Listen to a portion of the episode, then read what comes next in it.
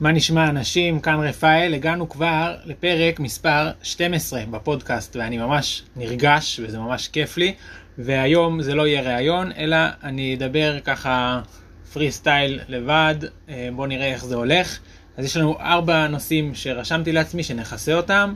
אה, אחד מהנושאים זה יצהר, מבחינה גיאוגרפית, כאילו מה יש ביצהר, איזה שכונות, נופים אה, וכולי. אמ, השני זה הפוסטים שכתבתי בימים האחרונים על אה, סבא וסבתא שלי, ההורים של אבא שלי, זיידי ישעיה ובבי. אמ, אני אקריא חלקים מהפוסטים, אולי אני אקריא את כל הפוסטים ואני אדבר עליהם קצת, זה יהיה מגניב וכיפי.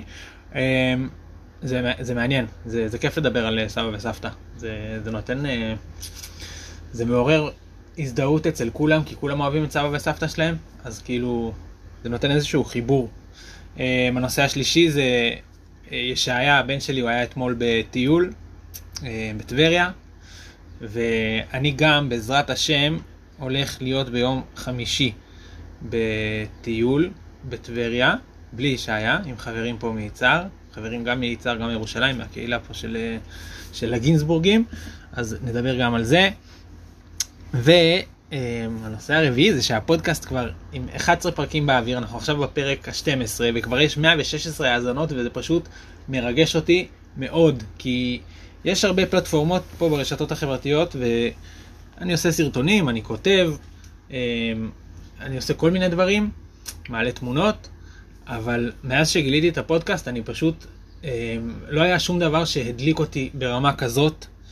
של התלהבות, ואני ממש ממש ממש מבסוט על זה, ואני ממש מוצא את עצמי בהקלטה של הפודקאסטים, בראיונות, אז uh, מעל לכל זה מרגש אותי. אז בואו נתחיל מיצהר. אם אתם תיסעו, uh, לא יודע אם אתם באים ממרכז הארץ או מירושלים, תגיעו לצומת תפוח, שימו בווייז צומת תפוח, uh, תראו איפה זה, כמה זה רחוק מכם.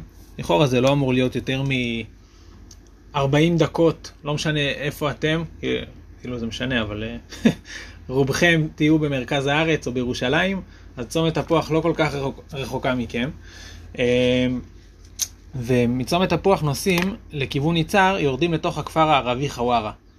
כפר ארוך, אה, של קילומטר 2-3, עם רצף של, של בתים, חנויות וזה, ויש שם פקקים לפעמים וזה, אבל עוברים את זה. עכשיו הולך ונבנה הכביש אה, בשם עוקף חווארה, ואז זה בעצם ימנע את הצורך לעבור בכפר, וזה יהיה ממש כיף. אה, מקווים שהוא ייגמר כמה שיותר מהר, הצפי זה בערך שנה וחצי, שנתיים, אבל כמו שזה היה עד עכשיו, אז פשוט ממשיכים. אה, עוברים את חווארה, מגיעים לצומת יצהר הגדולה, פונים שמאלה, פניתם שמאלה בכיכר, אתם ממשיכים בכביש, ואז יש צומת עם פנייה שמאלה ליצהר. אם תמשיכו ישר אתם תגיעו לחוות גלעד ולקדומים, אבל אנחנו פונים ליצהר. איך שפונים שמאלה ליצהר מתחילה עלייה. להגיע ליצהר זה לא פשוט, צריך לעלות בעלייה, צריך להתאמץ. חושבים שזה בא בקלות? צריך מאמץ. עולים בעלייה ליצהר, אה, אתם יכולים לראות אה, לפעמים אה, שרידים לשריפות שהיו פה, כי כל שנה מחדש יש איזושהי שריפת קוצים פה או שם. אה, יש לנו פה שכנים מאוד אה, נחמדים שהם לא רוצים שיהיה לנו משעמם, אז הם עושים לנו הצתות על, אה, על בסיס, לא רוצה להגיד שבועי, חודשי, אבל בכל קיץ יש כמה וכמה הצתות, נגיד חמש הצתות שממש מתלקחות ושורפות ככה חצי הר.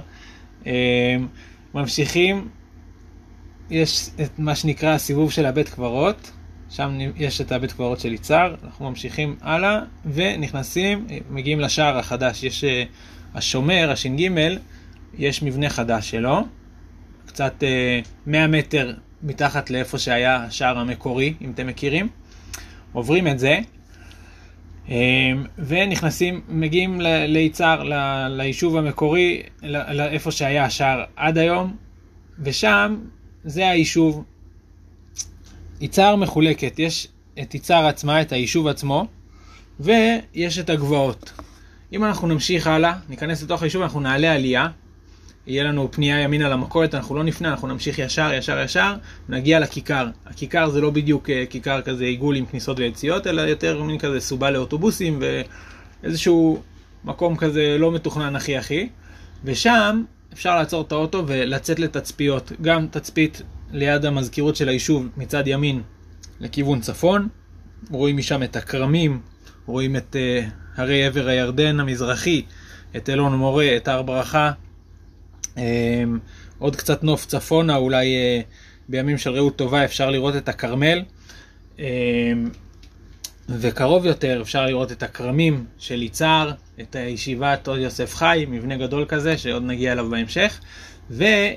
ואם אנחנו נלך לצד השני של הכיכר, שם יש נוף לכיוון דרום, אה, לכיוון מערב, למרכז הארץ, ולכיוון דרום, הרי בנימין, הרי ירושלים, אה, נוף יפהפה, כדאי לבוא בימים שיש ראות טובה, אה, זה שווה את זה. באזור שם גם יש את הבית כנסת המרכזי של היישוב, וזה בגדול. אנחנו נמשיך ישר. נמשיך ישר ב... איך שבכביש שהגענו, לא, לא נפנה ימינה לא שמאלה, נמשיך ישר, נגיע לשכונה שנקראת שלהבת. שלהבת זאת השכונה השנייה שקמה ביצהר, שזה ראשי תיבות של שניאור ליבמן והראל בן נון, עם האות ת' בסוף, יש כאלה שיגידו שזה תנצבה, יש כאלה שיגידו שזה תנקום. אה, זה בעצם שכונה שקמה אה, אחרי הרצח שלהם, לפני אי אילו שנים, אני חושב מעל 20 שנה. אמ, במקור זה היה, הקימו את השכונה סמוך למקום הרצח, שזה היה מרוחק מהיישוב, אבל היום הרצף של היישוב מגיע עד לשם, הבתים מגיעים עד, אה, עד סוף שלהבת, עם רצף של בתים, של בנייה, אמ, והיום בעצם זה נחשב כאילו מחובר ליישוב. שם, בכל האזור של שלהבת, הנוף יפהפה. כל מרכז הארץ, מהצפון בכרמל ועד הדרום, אשדוד, אשקלון, עזה, בלי שום גבול כאילו לכיוון דרום, אפשר לראות הכל, רק תלוי בראות. אה, כמובן, כשיש אה, אה, טילים על הדרום וכיפת ברזל, אפשר לראות את השיגורים יוצאים מעזה, אפשר לראות את הכיפת ברזל, אפשר לראות אפילו הפצצות של חיל האוויר בעזה, אתה יכול לראות את ה... את ה לא יודע אם להגיד פטריות עשן, אבל אתה רואה, אפשר, אפשר לראות איזה שהם כתמים כתומים כאלה מרחוק. הנוף זה, זה משהו לנצור. אה, סמוך לשלבת יש את מה שנקרא בור הציפורים. זה אה, קצת רחוק, זה משהו כמו קילומטר של הליכה. זה תופעת טבע. מאוד מעניינת וייחודית למה שיש פה. בור הציפורים זה בעצם, אתם יכולים לדמיין, בור בקוטר של 15 מטר, בעומק של 100 מטר בערך. אולי 80, אולי 100, אולי 120, תלוי איך סופרים וזה. אה, זו תופעת טבע מעניינת, ויש, אה, הוא נקרא בור הציפורים, כי יש שם ציפורים שמקננות בפנים.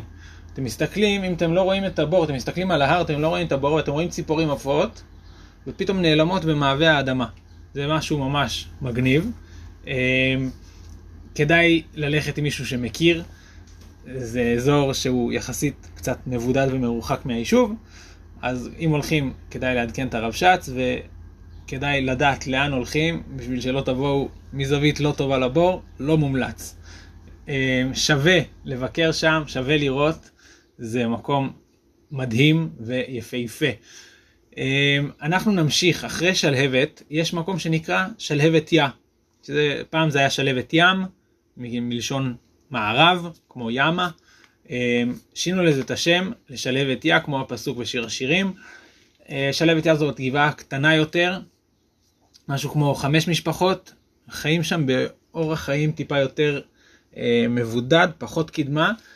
היום זה קצת יותר, אה, קצת יותר בורגני ורגיל כמו ממה שהיה פעם, אבל פעם היה איזושהי ועדת קליטה לגבעה, שאי אפשר לבוא מי שיש לו אינטרנט, ו, והם הולכים לפי כללים מסוימים וזה, אבל זה עבר, והיום אה, זה די כאילו, די אנשים רגילים כמוני כמוך, אה, ואין שם כל כך הבדל. אה, מקום יותר כפרי, אם אפשר לקרוא לזה ככה, הבתים טיפה יותר מרוחקים אחד מהשני. אמ, אחרי שלהבת יא יש את מעיין שלהבת יא, שזה מעיין יפהפה, יש שם את המעיין המקורי, שזה בור עם מים ונקבע שמובילה את המים לתוך הבור הזה.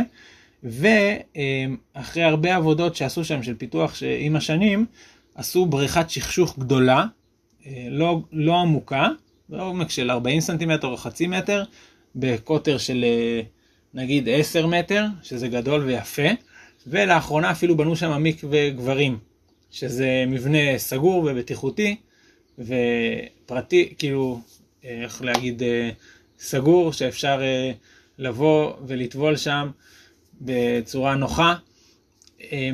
יש שם עצים, פינות ישיבה, יש שם כרם מאוד גדול ליד, בכלל, מקום עם ממש נחת, אין שם קליטה טובה לטלפון, אז בכלל, כאילו לא תקבלו שיחות ויהיה לכם כיף ותשבו ואף אחד לא יפריע לכם. אה, מקום ששווה להגיע ולראות. חפשו בווייז מעיין שלבת יא. נחזור בחזרה, בגבעת שלבת יא, שם יש את התחנת קמח. תחנת קמח עץ השדה, שם בעצם אני עובד בחודשיים האחרונים במשמרת לילה. אה, התחנה מייצרת קמח, גם טוחנים וגם אורזים, והרבה מהקמח שאתם צורכים בכללי ברחבי הארץ, יכול להיות שהוא נארז ביצר, שימו לב, חפשו מיוצר על ידי איפה, ותגלו דברים מדהימים.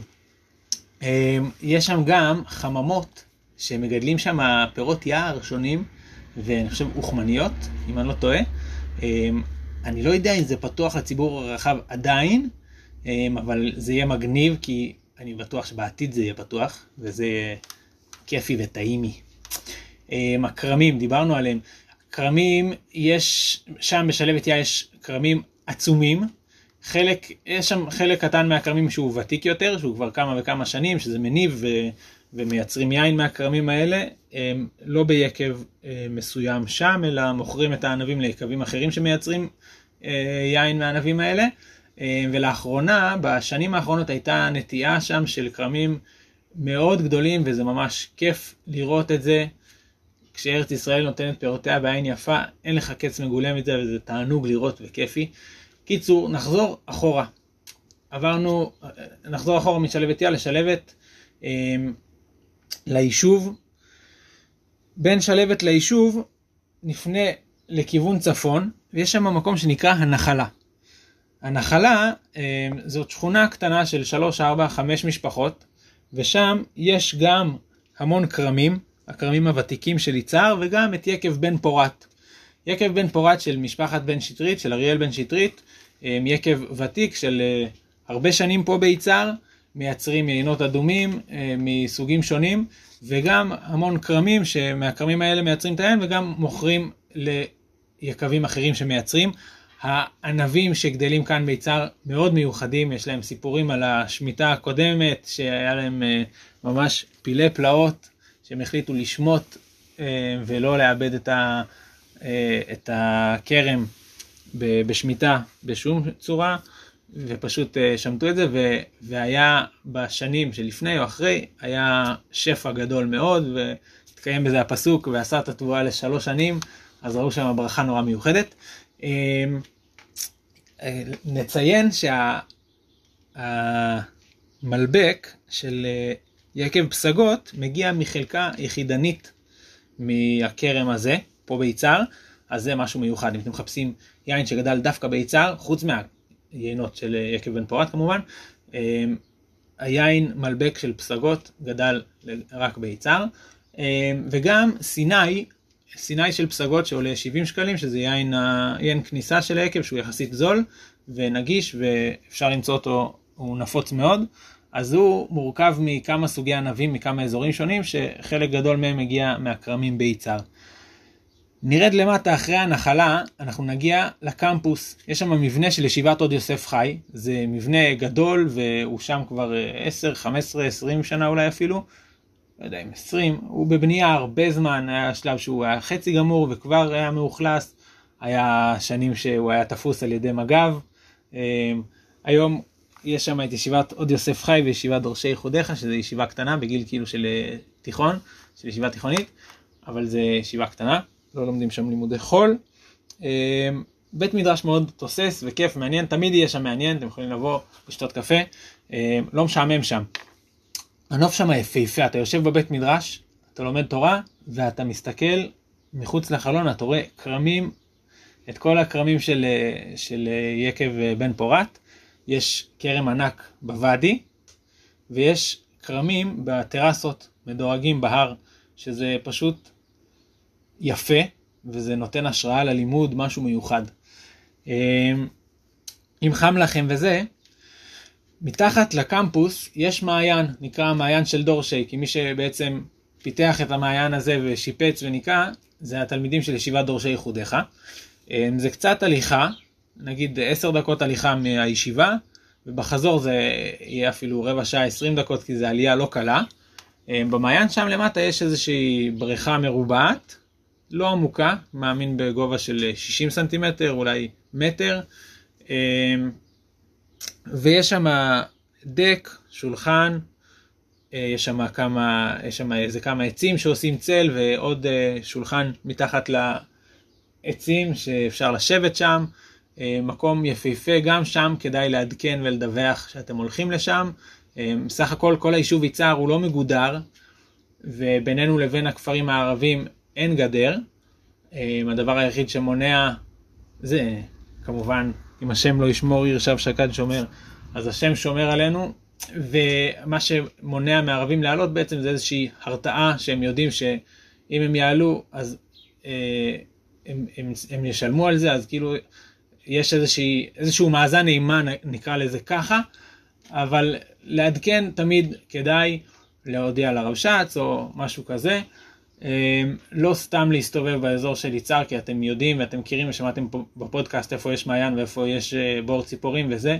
כדאי לדווח ולעדכן, אמ, וזהו, ובואו לטייל. נעלה בחזרה מהמעיין, אמ, נעלה לישיבה, היינו בנחלה, היינו בישיבה, היינו ביישוב. יש את האזור תעשייה, שם באזור תעשייה בתוך היישוב יש את המכולת, יש את אה, חנות אה, הכוהנים, חומרי בניין. אם אתם צריכים איזה בורג או מברגה או איזה קרש. קיצור, נרד בחזרה לש"ג, ובש"ג נפנה ימינה, לכיוון הגבעות.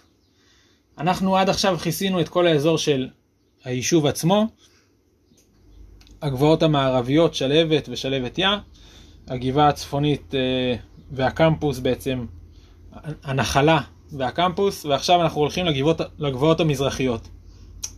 אנחנו פנינו ימינה, נוסעים, מגיעים לגבעה הראשונה, שהיא יחסית אה, חדשה, היא לא מהוותיקות, זה נקרא מגד שמיים, שזה בעצם איזושהי שורה של בתים שמחברת בין היישוב יצהר לבין גבעת להבה. גבעת להבה, מיד אחרי מגד שמיים, שם אני גר, זאת הגבעה אה, הכי ותיקה ביצהר, ובין הגבעות הראשונות ביהודה ושומרון, למען האמת. אני חושב שהיא קמה בשנת... אה, תשנ"ה בערך, שזה כאילו שנת 95, היא קמה על ידי אה, הראל עוז בן נון, השם ייקום דמו, אה, וחברים שלו.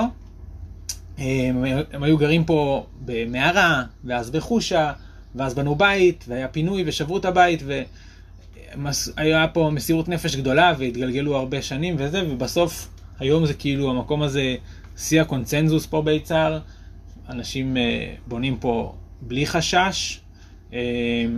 אנשים, יש פה איזושהי רמה של סיכון, אבל um, בכללי לא, אנשים לא מפחדים להשקיע ולבנות. Um, אני גר פה, אני בניתי את הבית שלי פה, וגם המחסן יינות גם נמצא פה. Um, גבעת להבה היום היא משהו מעל 20 משפחות שגרים בבתים וזה, וכמובן, שאלה עד איפה סופרים, כי מיד אחרי גבעת להבה יש את מצפה יצהר, ומעט לפני להבה יש את מגד שמיים, אז כאילו, יש פה איזשהו מטרופולין של uh, עשרות משפחות של מגד שמיים, להבה ומצפה יצהר, שזה uh, אולי קרוב ל-50 משפחות כבר בסך הכל, וזה יפהפה לראות את זה, כי בפרספקטיבה של כמה שנים, מה היה פה לפני? היה פה כמה נערי גבעות לפני 20 שנה שישבו בחושה וניגנו בגיטרה, והיום פתאום לראות את, את מה שקיים היום, זה, זה הסתכלות מאוד מעניינת ו... מרעננת. אנחנו נמשיך למצפה יצהר. מצפה יצהר זאת אה, שכונה יחסית קטנה יותר, אה, שהקים אותה איציק סנדרוי. איציק אה, הוא בן היישוב יצהר, משפחה של חבדניקים. היה שם פינויים בעבר, בשלב מסוים המקום יותר התמסד ונהיה יותר, נגיד, הפסיקו להיות שם פינויים, וכאילו המקום נהיה, התחיל לשגשג ולהתפתח. אז מבחינת משפחות, במצפה יצהר עצמה, למטה, יש לא הרבה, נגיד ארבע או חמש משפחות, משהו כזה, אבל בין מצפה יצהר לגבעת להבה כבר נהיה רצף של יותר בנייה ובתים ומשפחות. מה שיש היום במצפה יצהר, יש שם ישיבה, ישיבת תומכי תמימים, תומכי תמימים, ישיבה של חב"דניקים, משיחיסטים. באים לפה חבר'ה מכל, בעיקר מבתים חב"דיים, גם מהארץ וגם מחוץ לארץ, ו, וזה מדהים, כי איציק עושה איתם עבודה מדהימה. הם מגיעים לפה, הם חלקם קצת אבודים, ומתיישבים פה ללמוד. הם אחרי זה חלקם גם מתגייסים לצבא, ומתחתנים, בונים את הבתים שלהם פה וגרים פה, ו, ואין דבר יותר כיף ו, ומהנה מלראות את החבר'ה שהגיעו לפה. אתה זוכר איך הם הגיעו לפה ככה חצי אבודים? והיום הם אברכים ובעלי משפחות ועובדים ואנשים עם ראש על הכתפיים ו- וזה ממש עבודת קודש מה שהולך שם. קיצור, אה, חפרתי קצת. נחזור אחורה. אה, בין, ליד גבעת מגד שמיים, בין להבה ל- ליישוב יצהר, יש פנייה לכיוון דרום, למה שנקרא גבעת תקומה, שזה גבעה 725. גבעה גם עם משהו כמו 20 משפחות ויותר, גם בפרספקטיבה של זמן זה פשוט מרגש לחשוב על מה שזה היה, זה כאילו היה גבעה עם שני בתים, עם שתי משפחות במשך תקופה לא קטנה, שלקח לה זמן להתקדם וזה קצת היה מבודד ומרוחק מהיישוב, ו- והיום לראות את זה זה ממש אימפריה מה שהולך שם וזה כיף, אז זה ממש מרגש. שם בגבעת תקומה יש גם את המוסך, מוסך של יצהר, מוסך אה, של אה, חנוך אלברט. אה, ליד המוסך, לאשתו של חנוך אלברט יש חנות בגדים, נקראת הוד, חנות של בגדי נשים ונערות. באים לשם מכל האזור, אפילו היה פעם מישהו שבא לשם עם אשתו והבנות, והוא היה משועמם וזה, אז הוא פשוט, הוא בא אליי במקביל לשבת, לשתות לחיים ולקנות וויסקי. כי מה הוא יעשה? מה, הוא ילך לקניות של בגדים ביחד איתם? לא, אז הוא הגיע אליי. קיצור, בין הפנייה לבין גבעת תקומה יש פנייה ימינה, לחוות שקד. חוות שקד זה, בשונה מכל הגבעות של יצהר שנמצאות על אה, פסגות ובמעלה ההר, חוות שקד נמצאת בתוך ואדי. אה, בנייה של בתים בצורה אה, מפוזרת ופסטורלית יש לומר, של בנייה מפוזרת כזאת בתוך הוואדי, חוות שקד, לראות ו- ו- וליהנות. זה ההתיישבות שלנו שיש שמה. שלנו אני אומר של יצהר, לא קשור אליי כאילו אישית.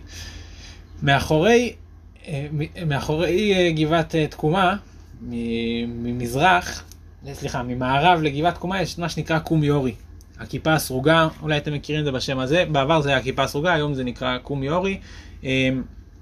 גבעה של מעט משפחות, משהו כמו ארבע או חמש. קשה מאוד ההתפתחות שם, בשנה וחצי, שנתיים האחרונות יש שם מג"ב ששומרים על ה... על הגבעה שלא ייכנסו אנשים שהם לא אה, תושבים, עשו שם שטח צבאי סגור, היה שם כמה בלאגנים בעבר, התנכלויות מצד מג"ב, קצת אה, ריאקציה מצד אה, נערי גבעות, אז אה, היה שם סיסו וסימחו מה שנקרא. אז כבר מצב סטטי של שנה וחצי שיש שם פשוט שטח צבאי סגור ורק תושבים שגרים שמה מורשים להיכנס, וגם זה תוך כדי הצקות, מג"בניקים מבקשים תעודות זהות מאנשים שהם מכירים אותם בשם שלהם, כאילו שם פרטי, שם משפחה, כבר במשך חודשים הם מכירים אותם, אבל עדיין מציקים, לא יודע, לא מצליח להבין למה. לא יודע. בכל אופן, בין תקומה לקום יורי יש אה, כרמים, מהכרמים הוותיקים של יצהר. בעבר אה, היה, היו מייצרים את היין בשם תרצה ודותן מהכרמים האלה. היום כבר לא מייצרים אה, יין באופן עצמאי, אלא מוכרים את הענבים מהכרמים האלה ליצרנים אחרים מכל מיני מקומות. אה, הענבים מאוד טובים. המקום פה מיוחד. הכרם שם נטוע בין גתות עתיקות, אז בכלל זה מראה על איזשהו עבר היסטורי של המקום. אמ, ונראה לי שאנחנו סגרנו את כל יצהר, כל מה שיש כאן בכללי. אז עכשיו עברו 25 דקות מתחילת הפודקאסט, ואתם יודעים כמה דברים על יצהר שלא ידעתם. אז הנה, כבר הרווחנו. עוד משהו קטן אני אציין שבין תקומה לחוות שקד, בתוך הוואדי, הוואדי נקרא ואדי ג'וזי, ויש שם מקום שנקרא ביר ג'וזי, שזה בור בעצם. אה, זה בור, לא כמו בור הציפורים, זה בור קטן, אה, צר יחסית ועמוק בעומק של 8 אה, מטר או 10 מטר או 20 מטר, משהו כזה, ויש למטה שלו איזושהי נביאה קטנה, זה לא מקום לבוא לטבול ולשכשך רגליים או משהו, זה סתם איזושהי רטיבות, כאילו, זה תופעת טבע כאילו. זה לא... יש שם מעיין, אבל כאילו לא, לא משהו, לא איזושהי בריכה של, של לבוא ולטבול בזה. קיצור, עד כאן יצר. בואו נדלג לנושא הבא. אני התחלתי לכתוב לאחרונה פוסטים בפייסבוק, פוסטים ארוכים. היה לי כמה תקופות שכתבתי בפייסבוק פוסטים ארוכים. אני אוהב את זה. אני מוצא את עצמי בפוסטים האלה. הכתיבה הזאת של לכתוב באופן חופשי ומשוחרר, זה עושה לי טוב. תרשו לי להקריא לכם קטע. אם אני קורא לאט מדי, אז uh, שימו את הפודקאסט בכללי, אני ממליץ. אני שומע פודקאסטים במהירות של uh, אחד, uh, כפול 1.5, כפול 2, וזה עובר יותר מהר. ככה אני גם קולט את המידע וגם לא מבזבז על זה זמן, ככה אני לא משתעמם. אבל בואו נראה. בשעלבים, איפה שגדלתי, היינו אוכלים בחדר אוכל של הישיבה מדי פעם. אבא שלי רב, והוא חלק מצוות הישיבה הרבה שנים כבר. עוד לפני שנולדתי אי שם ב-88.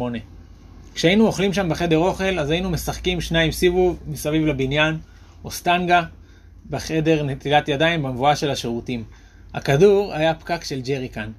האוכל היה מגוון, לפעמים טוב יותר, לפעמים פחות. הרבה מהילדות שלי היא סביב החדר אוכל הזה. הרבה מהחלומות שלי התרחשו שם, בחלומות. הבר מצווה שלי הייתה בקומה למטה של החדר אוכל. בשנת 96 אני חושב, זכור לי אירוע שכאילו קרה אתמול. אמ, זה היה בשנת 96, קיצור. היינו בחדר אוכל בסעודה שלישית וכבר יצא שבת, והגיע טלפון וביקשו שאבא שלי יעלה על הקו. והודיעו, והודיעו לו שסבא שלי נפטר. אבא של אבא שלי, זיידי ישעיה. ואבא שלי היה מאוד עצוב, ככה אני זוכר. אמא שלי עמדה לידו, וכשהוא היה בטלפון, וכשהוא היה בטלפון, וגם היא הייתה מאוד עצובה. אמ, זה היה בישיבה, בחדר אוכל. אני חזרתי לבד הביתה אחר כך, הבית שלי מרחק הליכה משם, זה לא כתוב בפוסט. אמ, זה בדיוק יצא שבת, והייתי בבית אה, לבד או עם עוד איזה אח אחות, והטלפון צלצל.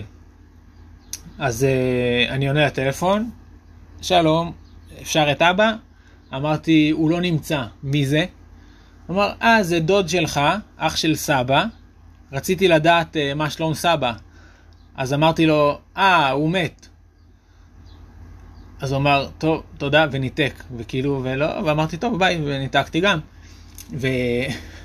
וסיפרתי את זה אחר כך לכולם, אמרו, וואי, איזה חוסר טקט, לא אומרים דברים כאלה, ולקח לי הרבה חודשים ושנים להבין, כאילו, איזה פדיחה גדולה עשיתי. קיצור, סבא שלי, הרב ישעיה ליבור זצ"ל, נולד בלונדון לפני 100 שנה בדיוק, בשנת 1921, אמ, למשפחה עשירה. ההורים שלו הגיעו לאנגליה מליטא. לא ידוע אם הם היו חסרי כל כשהגיעו, אבל אפס, ליטא, מה כבר אפשר לצפות? עשירים מליטא הם לא הגיעו, זה בטוח. אבא של סבא ישעיה והרבה אחים שלו הגיעו מליטא לאנגליה, ואז הם הביאו את אבא שלהם הזקן אליהם. סוף המאה ה-19 הייתה תקופה של נדידת עמים בעולם, ובנוגע אלינו, מיליוני יהודים נדדו ממה שנקרא אז האימפריה הרוסית למערב. זה יכול להיות יהודים מרוסיה, אוקראינה, מולדובה, ליטא, פולין ועוד ועוד, וכולם קוראים לעצמם רוסיה, לא חשוב. היו הרבה שהיגרו לאמריקה, והיו שהיגרו לעוד מקומות בעולם. מעט מאוד גם באו לארץ ישראל. המשפחה של סבא ישעיה בנו את עצמם באנגליה, בלונדון, אבל גם היה לזה מחיר. הסבא של סבא ישעיה היה רב. הוא חי בליטא.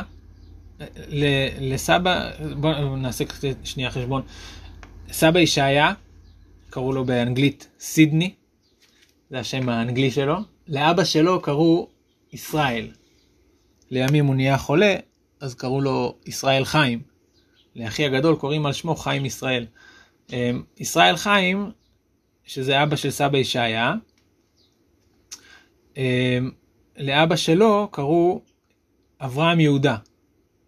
אני חושב שישראל חיים, השם שלו האנגלי היה איזדור. איזדור זה, זה, זה שם כאילו, למי מכם יש סבא שקוראים לו איזדור, אה? הייתם רוצים. אמ, וסבא אברהם יהודה היה, היה רב, בעצם הוא היה יהודי ירא שמיים שבא מליטא. אני לא יודע אם להגיד שהם ברחו מהפוגרומים, אבל הרבה מעם ישראל נדדו בשנים האלה. הסבא של סבא ישעיה היה רב, הוא חי בליטא כל השנים באזור של וילנה, מה שכינו ירושלים דליטא. אבל מאז שהגיעו ללונדון קרה מה שקרה בעוד הרבה מקומות, ושבעה מתוך תשעת ילדיו הפסיקו לשמור תורה ומצוות. אה, תופעה שהייתה נפוצה מאוד בארצות הברית ובכל, בהרבה מקומות שנדדו, שבעצם יצאו מהשטייטל, אז הפסיקו להיות דתיים.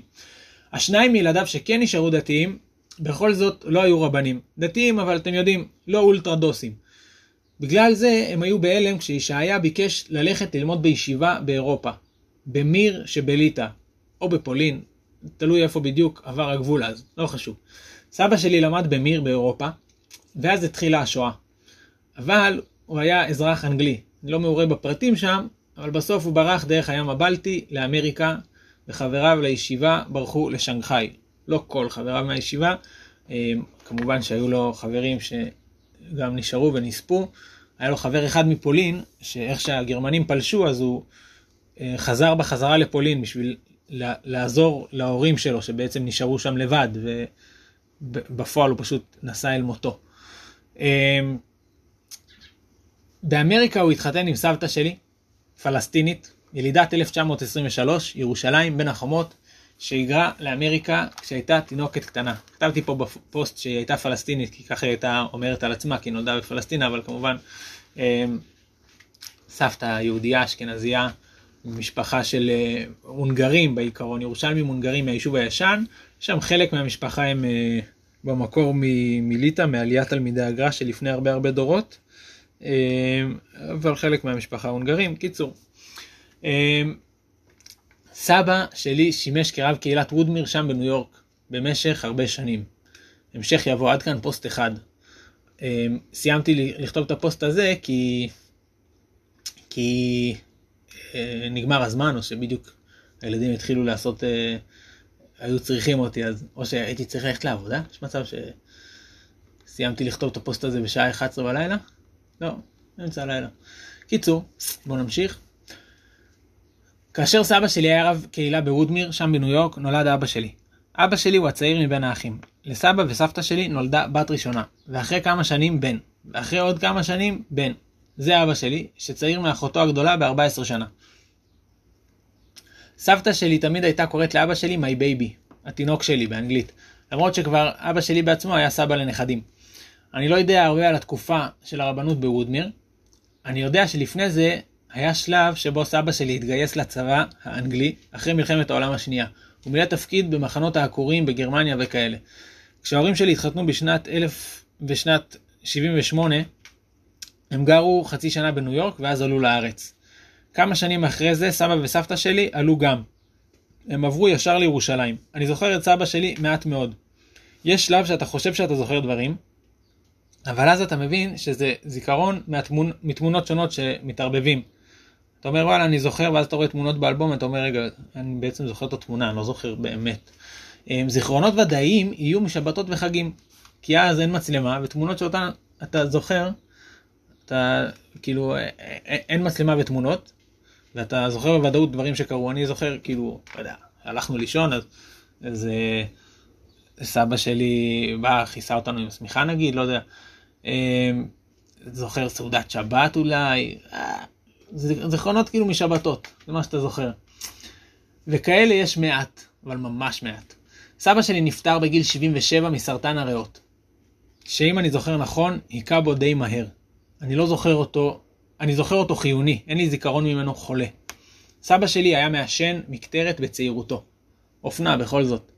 יש מצב שזה מה שהכריע אותו לעת זקנה. אני זוכר בקושי שבת אחת שהתארחנו אצל סבא וסבתא שלי במעלות דפנה, רחוב מחל 22, אמ, קומה שנייה.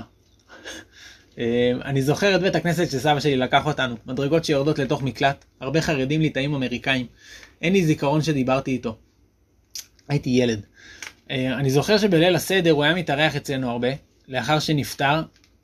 לאחר שנפטר סבתא שלי הייתה באה אלינו לבדה, אבל זה לא אותו דבר. הוא היה יושב במקום הקבוע של אבא שלי, או מושב אחד לידו, והיינו מביאים לו נטלה עם מים וקערה גדולה לנטיל... לנטילת ידיים. לימים אחרי שנפטר, אולי שבועיים, כשאבא שלי עשה קידוש בליל שבת, בדיוק במקום שהוא ישב תמיד, שבו סבא שלי היה יושב כשהתארח אצלנו, אז אבא שלי עשה קידוש של ליל שבת. בשלב מסוים נשברו לו המילים של הקידוש. נשברו לו המילים של הקידוש של ליל שבת, והוא התחיל לבכות. הדמעות זלגו, זלגו לו מהעיניים על הגביע של הקידוש של ליל שבת, וזה טפטף וטפטף. אבא שלי לא בוכה הרבה, אבל אבא זה אבא, וכשנזכרים בו זה לא קל. אני בקושי זוכר את סבא שלי. עד כאן הפוסט. אה, יש פה עוד פוסט על אה, סבתא שלי, אבל בואו נשאיר אותו לפעם אחרת. אה, הפוסט על סבתא שלי הוא הפוסט הכי שווה, הוא ארוך מאוד, ומאוד נהניתי לכתוב אותו, מאוד התחברתי עליו. מאוד התחברתי אליו, ואני חושב שהוא גם קיבל הכי הרבה לייקים מכולם, אבל זה לא משנה, לייקים זה לא מה שחשוב. ישעיה, הבן שלי הבכור, בעצם שקרוי על שם סבא שלי ישעיה, ישעיה ליבור, הוא היה בטיול אתמול, הם נסעו לטיול לטבריה. במקום להוציא אוטובוס הם נסעו טיול של הכיתה. הם חסכו לזה כסף והוציאו, שילמו על זה בעצמם, על איזה על האש וזה, אז לא לקחו אוטובוס, נסעו בשני רכבים. נסעו בטויוטה אייס ובסוואנה, נכנסו כל הכיתה. כאילו הרב שלו נסע על ההייס ועוד אבא התנדב להביא את הסוואנה שלו והם נסעו בשני רכבים. אני לא ידעתי על זה מראש, יש מצב גדול שהייתי מצטרף, נשמע לי אה, ממש כיף לנסוע לטייל. אה, הם נסעו, אה, היו בכנרת, עשו אבובים ושיט בכנרת וכאלה. יש לי שהיה תמונה שם, שהוא עם ההגה של האונייה אז הוא מבסוט. והם עשו שם על האש, עשו מנחה בקבר רבי מאיר בעל הנס. ואז בחוף הנפרד שם הם עשו על האש, הוא אמר שהם השקיעו מלא כסף והוציאו מלא כסף על בשרים והוא מבסוט, חזר מאוד מבסוט. בדרך חזור, הם חזרו בשני רכבים, אז אחד הרכבים עצר בדרך במעיין, בשדה אליהו, משהו כזה, לא הצלחתי להבין בדיוק. הוא אמר שזה מקום שנקרא מעיינות עדן, הוא לא בטוח, אבל הוא חושב, והוא שכח שם את הנעליים שלו. אה, אנחנו צריכים לוודא שבאמת הוא שכח אותם שם ולא באוטו של אבא של חבר שלו, ואולי אני אשלח, אולי אני אבקש מחבר שלי שגר שם, שילך אה, לבדוק אם אה, הוא יכול למצוא את הנעליים שם. קיצור, אני נוסע לטבריה בעזרת השם ביום חמישי. פעם בשנה יש מארגנים טיול של הבית יצחק. בית יצחק זה הבית כנסת החסידי ביצהר, של הקהילה של תלמידים של הרב יצחק גינזבורג. אני לא תלמיד של הרב יצחק גינזבורג בהגדרה, כמו החבר'ה החזקים והרציניים, אבל אני, שם אני מתפלל. אני, במובן הזה אני חלק מהקהילה. אני לא גינזבורגר עם כיפה שחורה ו, וגרטל ולבוש ארוך וזה, אבל אה, שם אני מתפלל בבית יצחק. אה, שם זה סבבה ממש, התפילה מתחילה מאוחר, ויש קידוש בסוף, ויש שם מלא סיפורי צדיקים. אפשר, יש פינת קפה טובה, אפשר לשבת, ללמוד, לקרוא, להתפלל, כיף. שם מקום חסידי, קיצור. אז אה, פעם בשנה יש נסיעה של אה, חבר'ה, תלמידים של הרב יצחק לטבריה, לקבר של רבי, אלימ... רבי מנחם מנדל מויטבסק, תלמידי הבעל שם טוב, תלמידי המגיד. אה, נוסעים ביחד עם איטיאל גלעדי, שהוא ה... הוא תלמיד קרוב מאוד של הרב יצחק גינזבורג, שהוא מקליד את כל השיעורים. הוא בעצמו גם, יש עליו הרבה, הוא תלמיד חכם אה, גדול. הוא גם, הוא יהודי מעניין, הוא יודע לספר סיפורים כמו שצריך וזה. אז הנסיעה לשם, אה, מהשנים, נס, נסעתי כבר פעמיים, וזה מאוד כיף. נוסעים באוטובוס, מתוועדים בדרך, מתוועדים שם, מתוועדים בחזור. מאוד מאוד כיף, תענוג גדול. אז uh, השנה רק ראיתי את הפרסום, כבר נרשמתי. אה, יש שם בטבריה, מגיעים שם לבית הקברות, לחלקה הישנה בבית הקברות הישן, איפה שיש את הקבר של רבי, אלימל, רבי מנחם מנדל מויטבסק, יש שם את הקבר של רבי נחמן מאורדונקה, שזה סבא של רבי נחמן. אה, יש שם כמה קברים עתיקים, אתה מסתכל שם על התאריכים, כאילו זה מתאריכים של אשכרה משנת 1800, כאילו, אה, לפני 220 שנה. הקהילה שם הייתה גם קהילה ספרדית, גם קהילה אשכנזית, הייתה שם מאות שנים. אה, אני חושב שרבי מנחם מנדל מויטבסק, אז הילדים שלו התחתנו עם הילדים, אני לא יודע בדיוק מי עם מי, אבל עם הילדים של הרב אבולעפיה. בעצם התחתנו אשכנזים וספרדים, ולא היה איזשהו חשש, או היום כאילו, טוב, היום כבר זה, אנחנו כבר בשלב שאחרי, אבל הרבה שנים בקהילות מסוימות לא מקובל כאילו שמתחתנים אה, אה, ספרדים ואשכנזים, ודווקא כשאתה רואה את החיבור הזה, אז אתה רואה שזה מבורך, ואפילו זה היה כבר פעם. אפילו נלך אחורה יותר, האריזל, השם משפחה שלו זה לוריה, שזה שם משפחה אשכנזי, אבל בפועל אנחנו מכירים את הארי בתור ספרדי. אז מה הסיפור שם? האבא של האריזל היה ממשפחה, היה אשכנזי, שהתחתן עם, אה, עם ספרדיה, והוא נפטר כשהאריזל היה ילד. ומי שגידל את הארי היה דוד שלו, אח של אמא שלו. אז בגלל זה הוא, הוא לקח את המנהגים הספרדיים, למרות שהוא בעצם היה חצי אשכנזי וחצי ספרדי. אה, משם מה שעושים כל שנה זה שממשיכים משם, מה, מהקבר של רבי מנחם מנדל מויטבסק, לבית, לבית כנסת של רבי מנחם מנדל מויטבסק, שזה נמצא כבר בתוך העיר טבריה, ממש קרוב ל, ל, לחוף. בית כנסת עתיק, בית כנסת בן uh, 200 שנה, משהו כזה. Uh, מאוד מאוד מאוד יפה ומגניב ומסתורי וכיף להסתובב שם ולנסות להבין מה, להבין מה אתה רואה. Uh, מתוועדים שם. דברי תורה, אוכל, כיף, אין צורך להגיד שהרבה אלכוהול, עושים לחיים, וזו חוויה פעם בשנה בשביל הנשמה, מה שנקרא. קיצור, עד כאן הנושא הזה, אני בטוח שאני אחזור משם, יהיה לי מלא חוויות, וזה יהיה כיף. אם מישהו רוצה לשלוח לי שמות לתפילה, אני, בלי נדר, אני, אני אזכיר אותו אצל רבי מנחם מנדל מויטבסק. בוא נספר עליו קצת. אה, רבי מנחם מנדל מויטבסק, הוא היה אה, תלמיד חבר של אה, רבי שניאור זלמן מיליאדי, הם, הבעל התניא, הם היו ביחד תלמידים של המגיד ממזריץ'. אני חושב שרבי מנחם, מנחם מנדל מביטבסק הוא יותר מבוגר והוא היה גם תלמיד של הבעל שם טוב בעצמו, אני לא בטוח לגבי זה. אה, בכל אופן, הוא עלה לארץ ישראל והתיישב פה בטבריה. אה, מה שלא עשה האדמו"ר הזקן שנשאר שם בליטא והנהיג את הקהילה ואת החסידים. בעצם רבי מנחם מנדל מביטבסק היה הרבי של ארץ ישראל, הוא הנהיג את הקהילה החסידית פה בארץ, אה, מתוך אה, מסירות נפש גדולה, אה, ממש לא היה קל בימים האלה. אין, לא, לא יודע, אין לי, אין לי מה לספר עליו אז, אבל אני אספר לכם סיפור שהיה פה, ביצהר. סיפור חסידי מה, מהעת הזאת.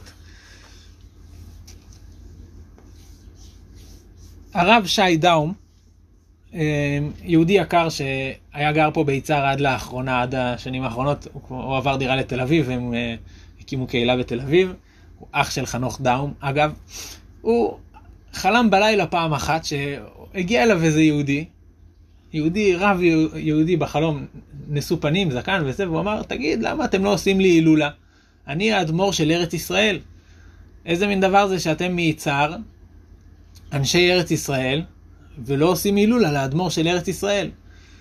והוא לא הבין מה זה החלום הזה, והוא הלך ושאל ובירר, והתברר שבאמת יש הילולה, יש אה, קרוב, מתקרב התאריך של פטירתו של רבי מנחם מנדל מביטבסק, שלא הייתה לו הילולה, אף אחד לא היה עושה איזשהו אירוע מיוחד מזה, והוא, ומה זה, מה הכוונה האדמו"ר של ארץ ישראל? שהוא עלה לארץ והנהיג את החסידים שגרו פה בארץ. אז אה, באמת, הרב שי לקח את זה על עצמו וארגן הילולה מאז כל שנה בתאריך עושים הילולה שמה.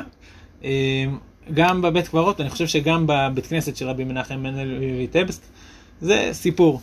קיצור, עד כאן הנושא הזה. נושא אחרון להיום זה שהפודקאסט כבר עם 11 פרקים, אנחנו עכשיו מקליטים, אני עכשיו מקליט את הפרק ה-12 ואני מתרגש ברמות על. ואני מאוד מוצא את עצמי בזה, אני בעצם, יש פה כמה אספקטים שבגלל זה אני כל כך מבסוט. אה, מה שאני אוהב זה שאני אני קובע את החוקים, אז בעצם אני מחליט איך ייראה הפודקאסט, אה, את מי אני אראיין, על מה אני אדבר, על מה אני לא אדבר. אה, אני שולט בזה. ממה זה שונה מהאינסטגרם שלי ומהפייסבוק ומהטוויטר? זה שונה, בברבם, לא יודע, זה שונה בזה שאני לא, חוץ מלהקליט, בינתיים אני לא עורך. כל הפודקאסטים שעשיתי עד עכשיו, אני, אני אומר מראש למרואיין, שמע, זה בלי עריכה. אם יש דברים שאתה תתחרט על זה שתגיד אותם, אל תגיד אותם. אה, לא להגיד שמות פרטיים של אנשים שאתה רוצה ש, שנמחוק ונצנזר וזה, פשוט לא לדבר על זה מראש, ו, וככה אני מסיים להקליט, ואני מיד, לא יודע אם תוך דקות, אבל בלי הרבה מאמץ ועבודה, אני כבר מעלה את זה הלאה, ו, וזה כבר באוויר. וזה ממש כיף לי. אמ, זה שבעצם זה קל ופשוט. אם אתם רוצים לעשות פודקאסט משלכם, פשוט תורידו אפליקציה שנקראת אנקור, A-N-C-H-O-R, אנקור, אמ, ולשם מעלים את ההקלטה, ו... וזה עולה אוטומטית לכמה מקומות שונים, לספוטיפיי, אם אתם שומעים את זה שם, ולאפליקציה של אפל וכאלה. אמ, הראיונות שעשיתי עד עכשיו, יש אה, פרק שראיון איתי בעצם, שאביחי פרץ עשה ראיון איתי. אה, זה ממש כיף לי לדבר על עצמי, אני מאוד אוהב לדבר. אמ, אז אה, אני, אני גם, אני בעצמי שמעתי את זה כבר פעמיים או יותר מאז, אה, וכל פעם נזכר בדברים חדשים ואומר וואלה זה עוד נושא שאפשר לפתח ולדבר עליו. וראיינתי בעצמי את אה, חננאל רובינוף שהוא יועץ לכלכלת המשפחה ואת דן כץ שהוא צייר חלומות, והרשימה מאוד מאוד ארוכה של מי שאני רוצה לדבר איתו. יש לי כל מיני אנשים שיש כאלה שכבר אמרתי להם שאני רוצה לראיין אותם, יש כאלה שהסכימו כבר מראש, אה, יש כאלה שלא יודע, צריך, אה, צריך לספר להם על זה שאני רוצה לראיין אותם, ופשוט מח... אני אחכה לתיאום. אה, זה הכל עניין של זמן, עד שנגיע לזה, למצוא זמן שיהיה שקט, צריך, אני צריך שיהיה לי מקום עם קליטה, בלי רעש מסביב. כי שוב, אני לא עושה עריכה ועיבוד ואני לא עם ציוד הקלטה מקצועי אפילו, אני מקליט בטלפון. יש כאלה, חברים אמרו לי להביא ציוד הקלטה וזה, בעזרת השם זה גם יגיע, אבל בשלב הזה, אחי, אני מינימל, מינימליסטי. איך שמקליט עם הטלפון, בלי עריכה, בום, עולה. בעזרת השם בהמשך נתפתח ויהיה פתיח עם מוזיקה ויהיה אפקטים קוליים בדרך וזה, אבל עוד חזון למועד. קיצור, אם שרדתם עד לפה, אז אני ממש רוצה להודות לכם. מאוד מאוד מרגש אותי לראות שאנשים מאזינים לפודקאסט. אמ, מה שעכשיו אני רואה זה שיש 116 האזנות, זה סך הכל ל-11-12 פרקים, אמ, אז זה אומר שכל פרק יש לו כך וככה האזנות, לא יודע, 6, 9, יש פרק עם 18 האזנות, אז כאילו איזשהו ממוצע כזה או אחר, אבל, וזה אבל גדול, זה לא באמת חשוב לי. אני לא, זה לא, אני לא עושה את זה בשביל האזנות, למרות שאני מסתכל כמה האזנות היה באופן כפייתי, אבל אני רוצה שהמספר הגדול יהיה כמה תוכן שמתי, כמה עזרתי לאנשים, כמה ייצרתי אה, פרקים. אני רוצה להעלות 100 פרקים. אחרי שיהיו 100 פרקים באוויר, בואו נדבר כמה האזנות יש. 100 האזנות זה הרבה, נכון? אז אם אני אעלה 100 פרקים וכל אחד יהיה האזנה אחת, כי בעצם כשאני מעלה, אז אני בעצמי שומע פעם אחת, אז כבר יש לי האזנה אחת. אז אם אני אעלה אה, 100 פרקים, ואני אאזין בעצמי פעם אחת, אז כבר יהיה לי 100 האזנות. הבנתם? קיצור, כל שאלה, מוזמנים לדבר איתי, מוזמנים לבוא לעקוב. אתם רוצים לקנות יין וויסקי, אתם יכולים לקנות באתר. אה, הכישורים לאתר נמצאים אצלי בפייסבוק, בטוויטר. שלחו לי וואטסאפ 0542628887. תבואו ליצהר לבקר. אה, אם אתם רוצים לעלות לראיון אצלי בפודקאסט, יש לכם איזשהו אה, עסק שלכם, אתם רוצים לספר על ההקמה של העסק וכאלה, אני אשמח לתת לכם במה. אה, בואו נקריא קצת, הנה, לא, לא, לא, לא נקפל עדיין, לא נקפל. יש לי איזושהי רשימה רשימה של שאלות שבעצם אני שולח אותה לאנשים שאני הולך לראיין אותם, ואז כאילו הם לא עונים, הם לא כותבים את התשובות, אבל הם uh, בעצם עונים בינם לבין עצמם, ואז כשאני מדבר איתם, אז uh, הם כבר באים מוכנים. אז השאלות הן כאלה, שם, בן כמה, מאיפה בארץ, מה העסק שלך, איך הגעת לזה, במה אתה שונה מאחרים, איך מגיעים אליך לקוחות, איפה גדלת, איפה טיילת לאחרונה, סיפור מרגש שהיה לך בעבודה, תחביבים, נקודת מפנה בחיים, איך אני יכול לעזור לך, איך הקהל יכול לעזור לך, איך אתה יכול לעזור לקהל, תן לי חמש טיפים מנצחים, האם היית בחו"ל, מה החלום שלך, ספר לי קצת על סבתא שלך. אני ראיתי שהכתיבה הזאת על סבא וסבתא שלי, זה מקום, זה, זה נותן לי מקום בלב מאוד uh, מעניין וחם ו, ו, ויוצר הזדהות, אז זה משהו גם שזה תמיד יהיה מעניין לשמוע את הזווית של המרואיין, מה, מה יש לו להגיד על סבא וסבתא שלו. קיצור, אז זה השאלות, ו, וזה מתפתח, ומתפתח לכל מיני נושאים מגוונים ומעניינים תוך כדי הראיון. זה כל כך, כל כך כיף. אם אני מייצר תוכן, אם אני אעלה פודקאסטים, אם אנשים יאזינו או לא יאזינו, אה, זה משהו אחד. בפועל, מההקלטה עצמה, אני מרגיש כזה שחרור וכיף, שמהתהליך עצמו של להקליט ולהעלות, אני, אני כבר מזה אני מבסוט. אז כבר זה שווה לי את זה. קיצור, מוזמנים לעקוב בלינקדין, אינסטגרם, טיק טוק, פייסבוק, טוויטר, יוטיוב, וזה בגדול. אני נקרא רפאל ליבור, בחלק מהמקומות זה רפאל ליבור בעברית, רפ"א ל, ל"י"ב ו"ר, חלק מהמקומות זה רפאל ליבור באנגלית, R-A-F-A-E-L-L-E-B-O-R, ובחלק מהמקומות אני נקרא פשוט חנות היינות של רפאל, באינסטגרם ובטוויטר לדוגמה, זה השמות שלי, אה, גם בטיק טוק זה חנות היינות של רפאל. קיצור, שיהיה לכם יום מבורך, בשורות טובות, תודה רבה.